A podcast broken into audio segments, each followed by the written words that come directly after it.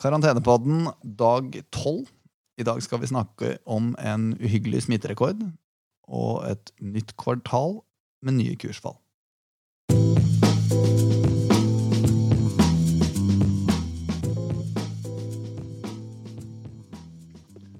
Er du med meg, Kristian?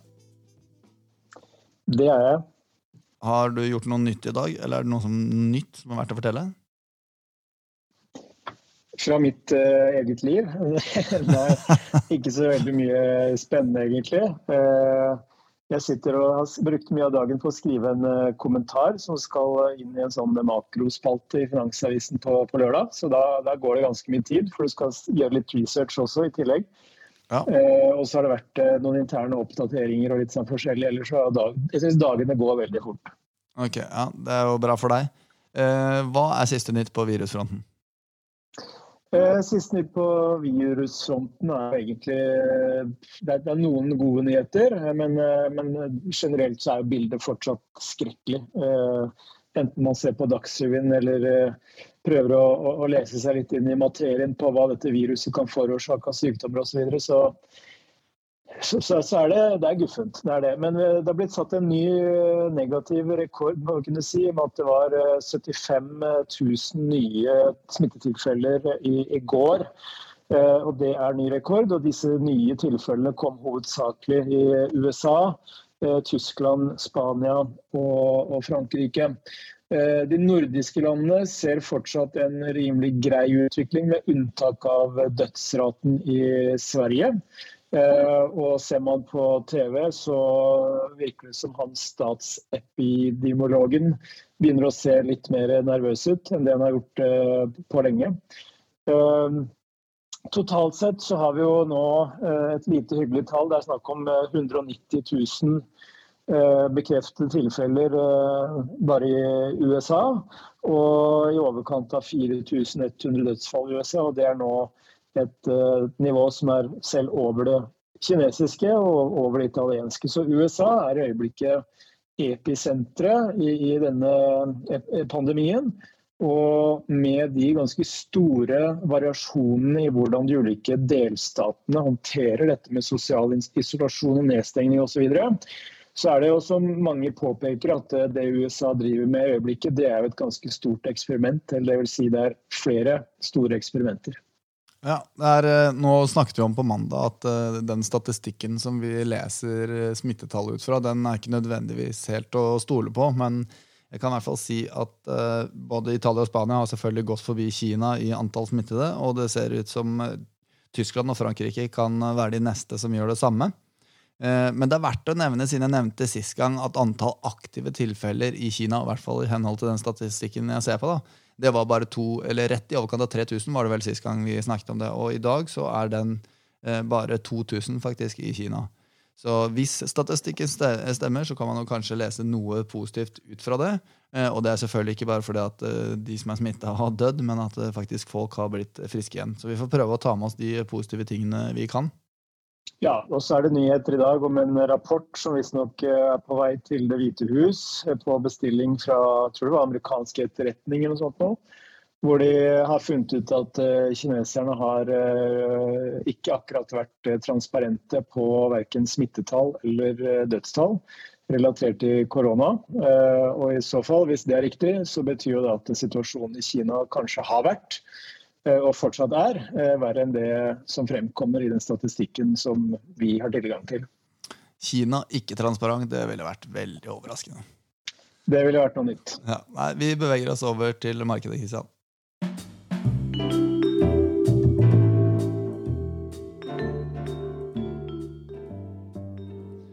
Hvordan har det gått i markedet de siste par dagene?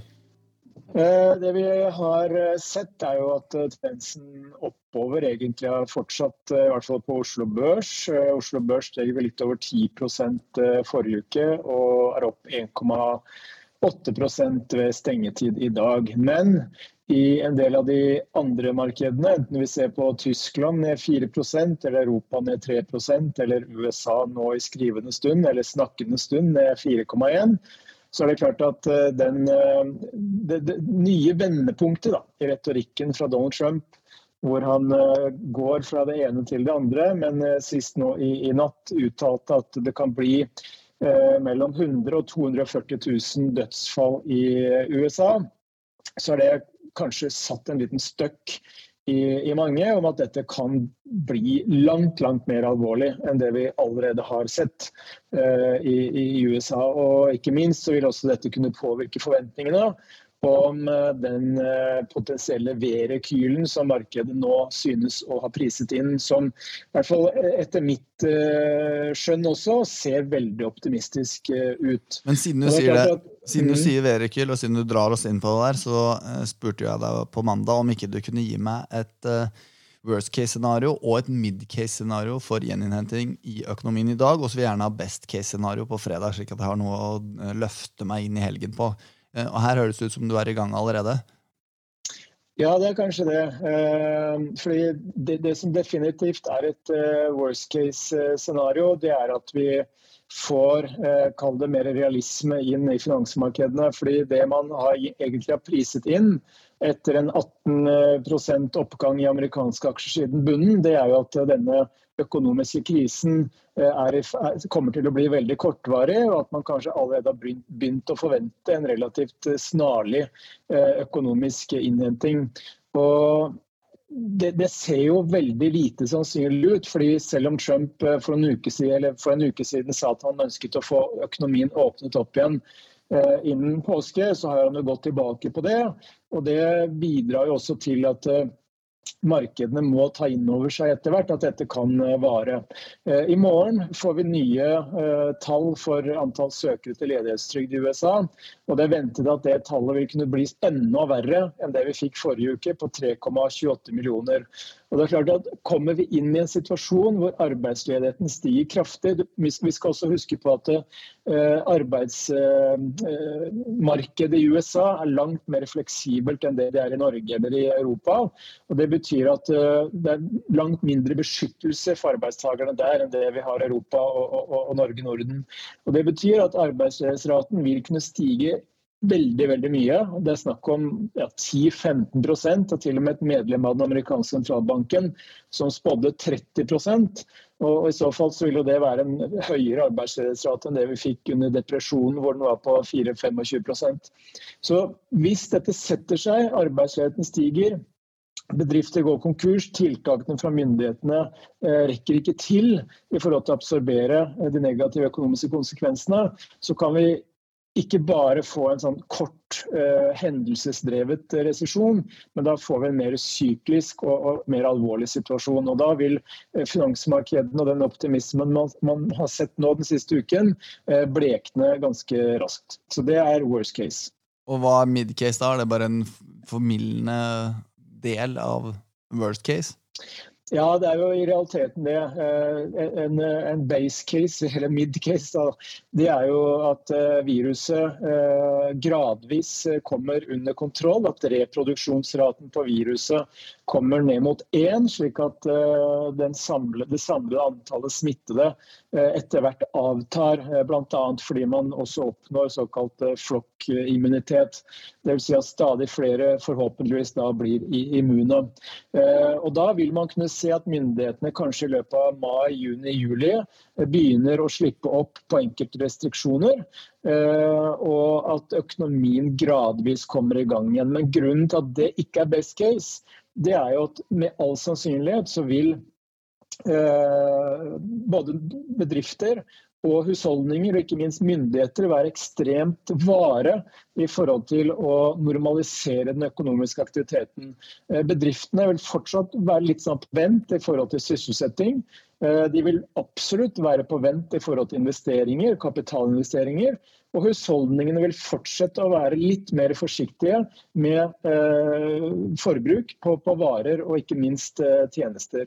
Og Derfor vil det ta tid før økonomien kommer tilbake, og det vil ta lang tid før økonomien kommer tilbake til sitt potensial. Eh, så, så det er egentlig det vi kan kalle et mid-case, at vi får en sånn uformet utvikling, men hvor ting egentlig går ganske sakte også gjennom, gjennom andre halvår. Ok, men Da er det bare å glede seg til best case på fredag. Du, får, du, har noen få sekunder til å gi meg siste update på policy, hvis det er noe som er verdt å nevne der. Eh, det er ikke så veldig mye annet enn at eh, de i Kongressen i USA har begynt å snakke om eh, denne nye tiltakspakken som de kanskje også etter hvert ser behov for gjennomføring av. fordi denne første tiltakspakken den, den vil jo holde en liten stund. I hvert fall med tanke på utbetalinger til husholdningene. Eh, men eh, det holder ikke i mange måneder. Så det må flere tiltakspakker på gang.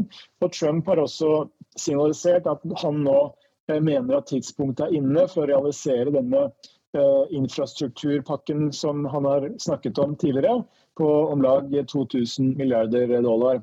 For å skape arbeidsplasser og for å skape aktivitet i økonomien. Så får vi se hvordan det går. Men at man trenger flere stimulanser etter hvert, det, det er nok ganske sikkert.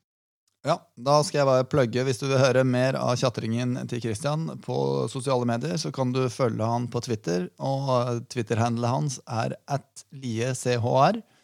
Du kan også høre webinarer med Christian i regi av Danske Bank hver mandag.